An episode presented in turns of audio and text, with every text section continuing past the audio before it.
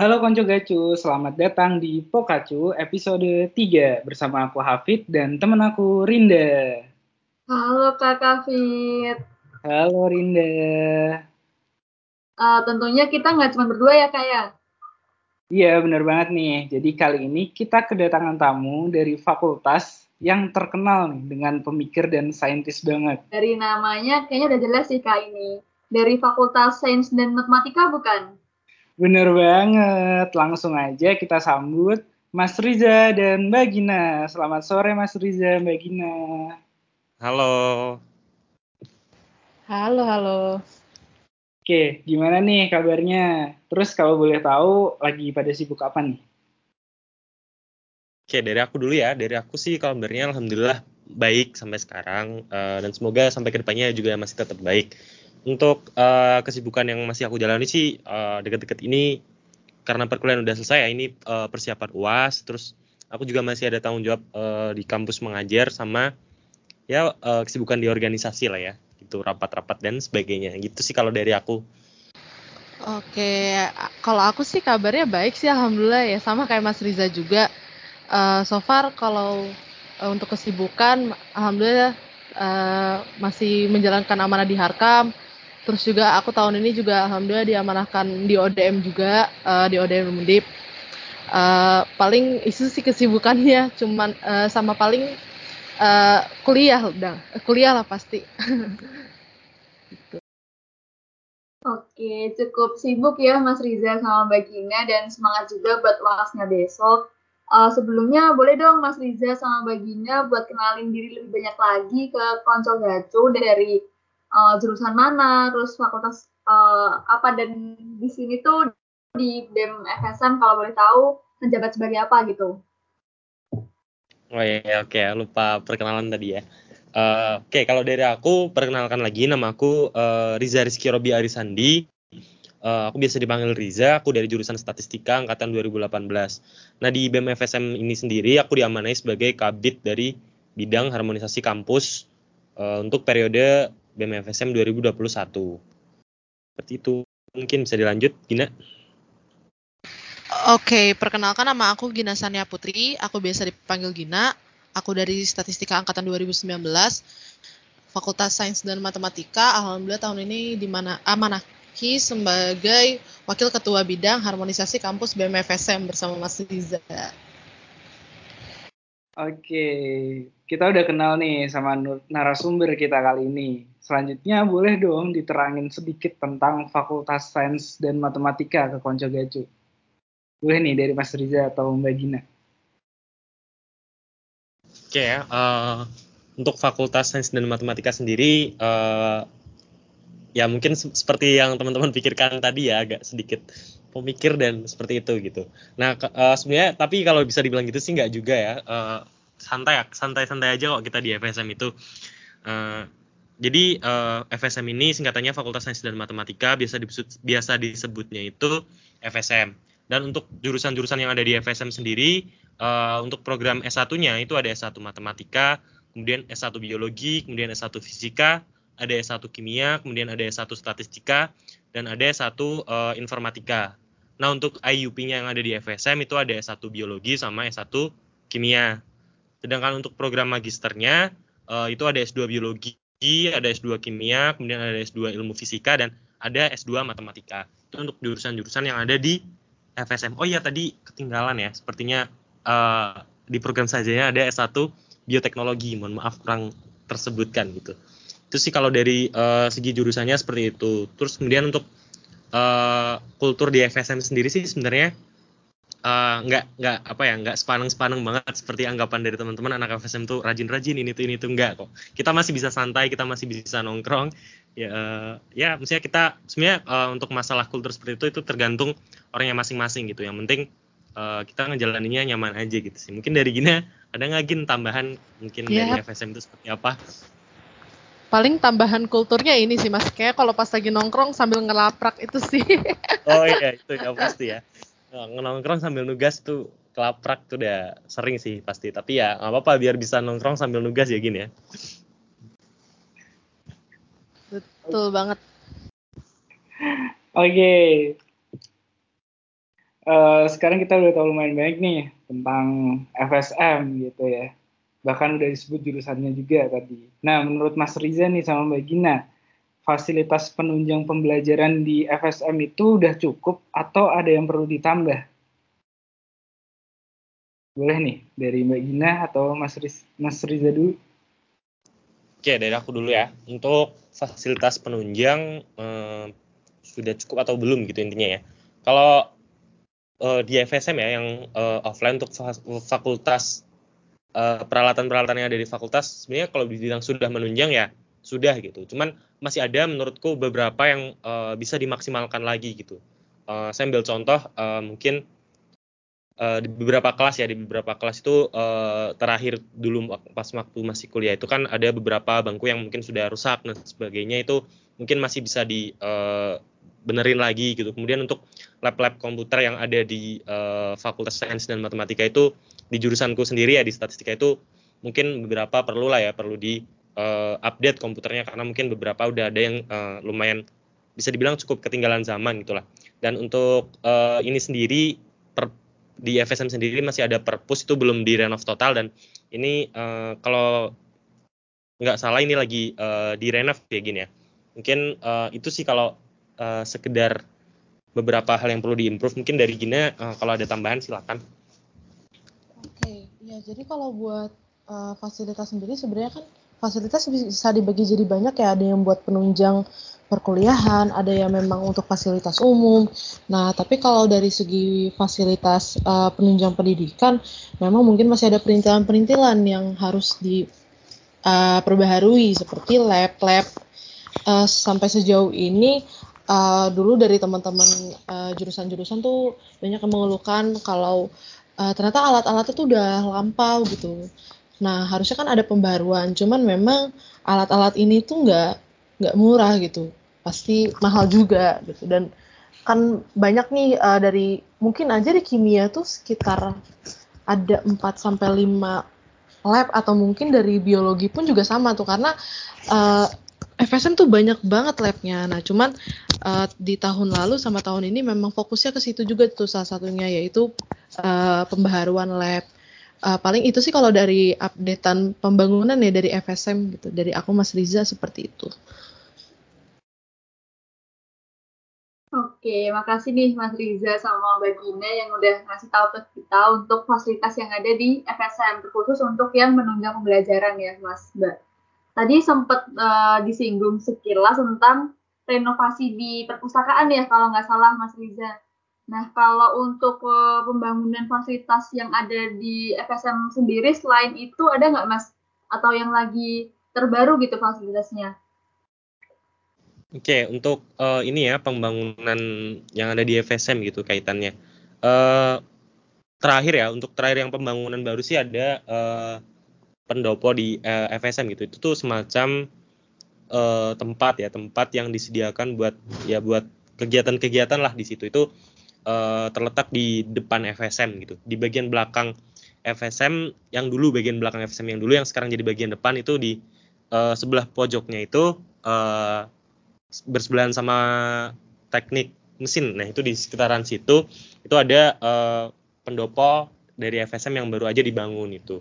Cuman uh, untuk pembangunan terbaru itu gitu. Cuman uh, kebanyakan yang di FSM itu untuk dari akhir-akhir uh, ini ya dari tahun kemarin sampai menjelang tahun ini, awal tahun ini itu uh, pembaharuan-pembaharuan gitu semacam uh, dari toilet dari FSM sendiri yang sebelumnya mungkin ada yang beberapa yang perlu direnovasi sekarang udah direnovasi seperti itu. Kemudian untuk uh, taman baca di FSM sendiri uh, juga direnovasi, kemudian uh, ada pengecatan juga di FSM gitu. Beberapa bangunan yang sudah terlihat usang itu dicat kembali kayak gitu. Itu sih kalau pembangunan-pembangunan yang ada di FSM seperti itu. Mungkin Gina mau nambahin? Cukup Mas, cukup. Oke, cukup banyak juga ya Mas uh, pembangunan yang dilakukan oleh Fakultas dan Matematika itu sendiri. Nah, uh, eh, FSM itu juga terkenal dengan fakultas yang mengedepankan research juga ya, Mas.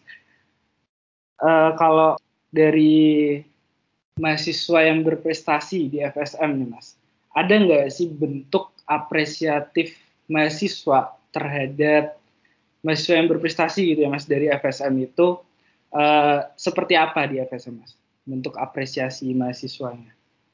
Oke, jadi uh, untuk bentuk apresiasi sebenarnya dari al alhamdulillah dari FSM udah ada beberapa langkah-langkah ya. Salah satunya tadi aku udah sempat mention terkait uh, bagi yang lolos pendanaan uh, PKM dan juga mungkin lolos PIMNAS itu akan mendapatkan pemotongan UKT. Nah, cuman memang uh, masih belum bisa divalidasi lebih dalam lah, uh, divalidasi secara konkret karena memang kita juga masih menunggu uh, surat keputusannya juga karena kan uh, apa pun yang ditindaklanjuti sama birokrasi kan semuanya harus berdasar kan. Uh, dari birokrasi sudah menyatakan seperti itu, cuman memang kita masih belum menemukan uh, SK yang terkait hal tersebut. Terus uh, salah satu bentuk apresiasinya juga dana delegasi gitu. Jadi bagi semua uh, hal yang ingin uh, berlomba dan ingin mengajukan dana delegasinya, nah itu bisa di uh, bisa diproses tuh melalui nanti ada proposal terus juga nanti ada surat uh, yang uh, surat terkait uh, lomba tersebut. Nah, dari situ bisa diajukan dana dari fakultas. Nah, kalau untuk nominalnya sendiri udah ditentukan juga sama uh, surat keputusannya. Nah, itu salah satu bentuk uh, serta langkah uh, FSM untuk memberikan apresiasi terhadap mahasiswa yang berprestasi. Itu sih kalau dari aku gitu mungkin dari aku nambahin sedikit ya uh, bentuk apresiatifnya dari fakultas gitu uh, di baru-baru ini kan uh, mungkin lagi ramai ya tentang uh, kampus merdeka seperti itu. Nah itu di uh, beberapa program yang sudah berjalan seperti ada kampus mengajar kemudian yang sebelumnya itu ada program program yang collab sama Google itu namanya apa ya? Namanya apa gini inget gak gini yang Shopee uh, apa aku, ya? aku udah lupa deh. Itu yang machine learning yang bekerja ya, sama dengan Tokped dan Google ya itu. Pokoknya ada lah ya program aku uh, agak lupa namanya. Nah bangkit, itu bangkit. Uh, oh iya program bangkit. Nah itu program bangkit. Kemudian ada kampus mengajar. Kemudian uh, ada satu lagi kemarin dari program dari uh, luar fakultas juga tawaran ya. Uh, itu dari fakultas sendiri sudah menerbitkan uh, SK tentang konversinya yang nantinya bisa dikonversi menjadi uh, SKS yang bisa kita dapatkan gitu. Jadi kita bisa mendapatkan SKS dari luar uh, yang kita tempuh di pendidikan uh, kita sendiri gitu. Jadi itulah ya lumayan menurutku itu juga salah satu tindak uh, apresiatif dari fakultas kepada mahasiswanya seperti itu. Oke, makasih nih Mas Riza sama Mbak Gina udah ngasih tau ke kita juga untuk bentuk apresiatif ya. Dan uh, cukup banyak tadi disebutkan untuk bentuk apresiatif mahasiswa yang diberikan oleh FSM gitu. Nah, aku mau nanya nih Mas Mbak, menurut pendapat Mas Riza sendiri sama Mbak Gina nih, iklim apresiatif mahasiswa yang di FSM ini udah cukup atau ada yang perlu ditingkatkan ya Mas kira-kira? Oke, uh, aku izin jawab ya kalau dibilang cukup atau enggak mungkin dari teman-teman juga uh, mungkin ada yang bisa bilang cukup ada yang bilang enggak juga gitu cuman uh, yang aku tangkap sih mungkin dari teman-teman saintis ini yang ada di FSM mereka tuh mereka tuh nggak cuman melihat dari kacamata uh, apa ya apresiasi doang ya. Cuman mereka juga melihat dari prosesnya the way mereka uh, mengikuti lomba dan prosesnya seperti apa. Dan di situ juga sempat disampaikan juga sama dekan kita juga gitu Prof. Wido. Uh, kalau uh, sebenarnya prosesnya itu yang mahal gitu. Nah terlepas dari itu langkah-langkah apresiasinya aku uh, patut acungi jempol juga buat birokrasi karena sudah uh, apa ya mem membuat langkah-langkah yang baik lah gitu untuk teman-teman FSM yang mendap uh, mendapatkan prestasi Nah, uh, kalau dibilang cukup atau enggak, uh, itu juga membingungkan ya. Itu dibalikan lagi ke teman-teman FSM dan so far uh, sampai saat ini belum ada kendala yang begitu uh, apa ya, hmm, kendala yang begitu hebat sih. Alhamdulillah uh, dari teman-teman FSM juga merasa tercukupkan gitu sih.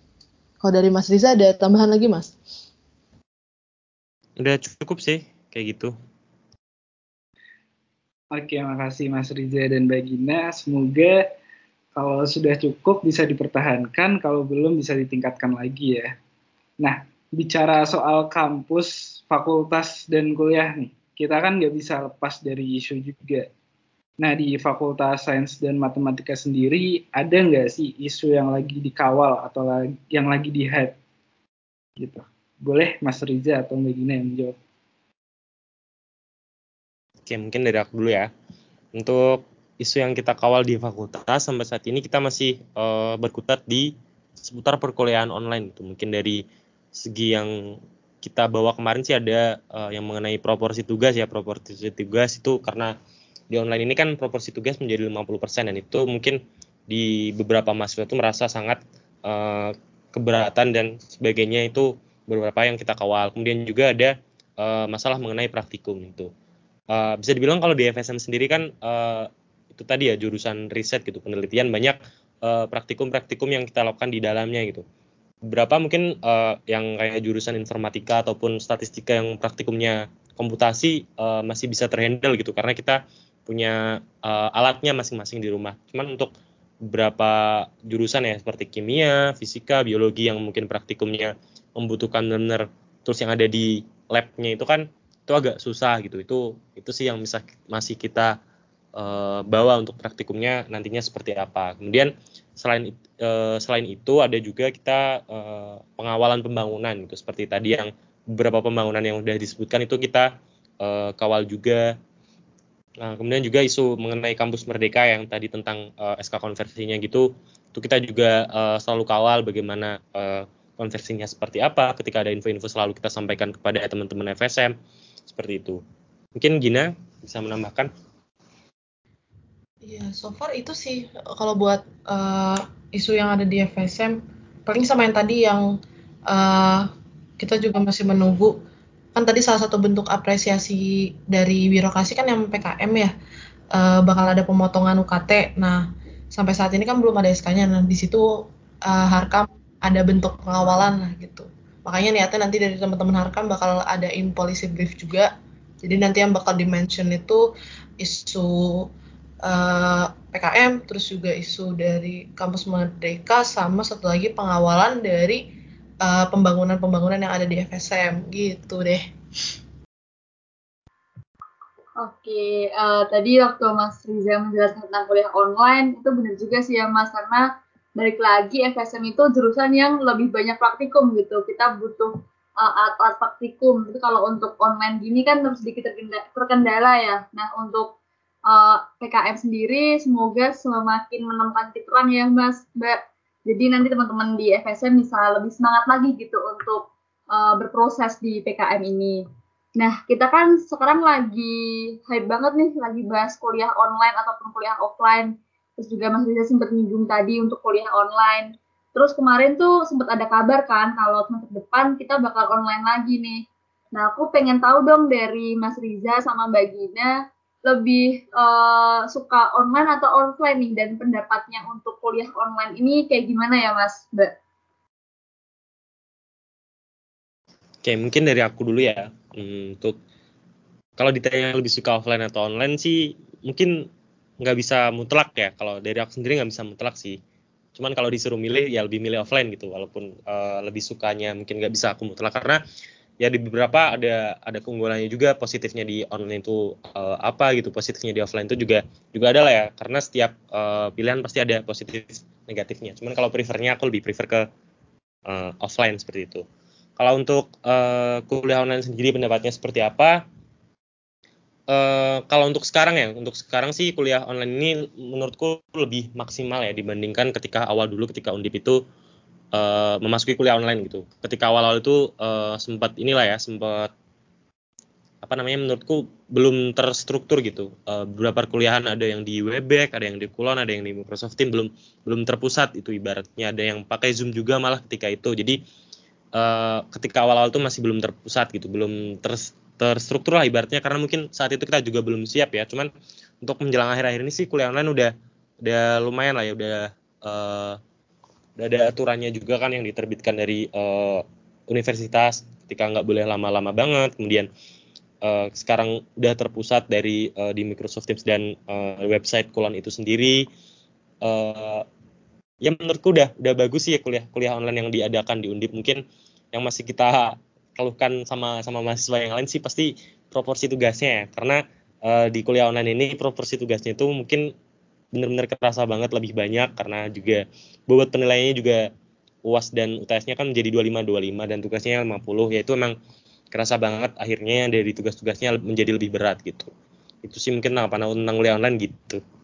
Oke, kalau dari aku sendiri uh, aku sebenarnya lebih prefer ya tadi benar udah dimention juga sama Mas Riza kalau ada plus minusnya ya. Cuman aku lebih prefer ke ini sih ke kuliah offline ya karena uh, mau gimana pun uh, apa ya mungkin untuk saat ini yang dikangenin itu interaksi secara langsung sih sama uh, baik itu dosen terus juga sama teman-teman yang lain. Kan uh, perkuliahan nggak cuma berkutat di uh, belajar mengajarnya juga ya tapi ada organisasi ada ada hal-hal lain gitu yang uh, bisa di, di apa ya dimaknai lah gitu. Terlepas dari kita dapat pembelajaran juga dari uh, dosen uh, paling sih itu sih kalau buat aku ya. Oke. Okay. kayaknya juga semua mahasiswa yang ada di Indonesia juga pengen kuliah offline juga ya mbak semua mas. Ya aku juga merasakan hal yang sama itu. Karena kuliah online aku ngerasanya juga malah nggak nggak niat gitu jadinya. Kuliah bisa sambil tiduran dan lain-lain gitu. Jadi kalau dari aku sendiri sih juga prefer kuliah online. Mungkin Rinda juga gimana Rin? Kuliah offline bisa juga kok sambil tiduran di belakang tapi. bisa bisa bisa.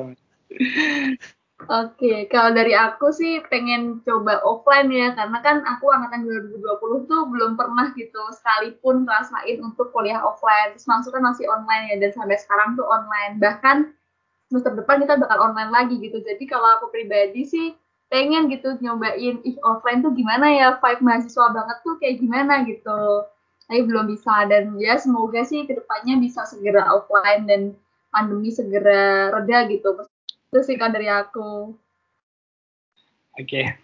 nggak kerasa nih kita udah di penghujung podcast boleh dong Mas Riza atau Mbak Gina buat nyampein closing statement tentang topik kita hari ini ke Konco Gacu dan pesannya buat gerakan aku cinta Undi. Oke dari aku dulu ya untuk closing statementnya uh, apa ya untuk iklim di FSN sendiri sih uh, menurutku sudah lumayan bagus dan semoga uh, tetap bisa ditingkatkan lagi menjadi lebih lebih baik gitu. Uh, kita tingkatkan lah ya kultur-kultur uh, apresiatif dari fakultas kepada mahasiswa dan juga uh, apresiatif dari mahasiswa kepada fakultas. Kalau memang sudah baik perlu kita apresiasi dan kalau memang uh, masih ada yang kurang di fakultasnya kita juga jangan sungkan-sungkan untuk mengkritik. Jadi kita saling support satu sama lain seperti itu. Dan untuk kuliah online harapan uh, aku sendiri semoga uh, bisa cepat kita ketemu secara offline. Bukan bukan apa-apa ya bukan berarti saya meremehkan uh, corona atau seperti apa. Cuman yaitu harapan saya semoga uh, segera tercarikan lah ya solusinya di Indonesia itu seperti apa. Dan dari aku sendiri udah kangen banget sama teman-temanku offline gitu. Itu dari aku. Cukup terima kasih Oke, okay. thank you Mas Riza. Nah kalau dari aku sendiri sih uh, semangat lah buat teman-teman karena mau gimana pun uh, eh, SK juga udah keluar gitu. Ya kita pasti akan memperjuangkan itu, cuman uh, apa pun hasilnya nanti uh, semoga sama-sama dikuatkan gitu. Uh, paling dari aku cukup kayak gitu aja. Kasih. Terima kasih buat Mas Riza dan Mbak Gina yang udah nyempetin waktunya buat podcast bareng kita hari ini dan ngasih penjelasan tentang Fakultas Sains dan Matematika ke Konco Gacu. Dan buat Konco Gacu, jaga kesehatan, jangan lupa pakai masker dan selalu jaga jarak. Aku Hafid. Dan aku Rinda pamit undur diri. Sampai jumpa di Pokacu, di Pokacu episode keempat.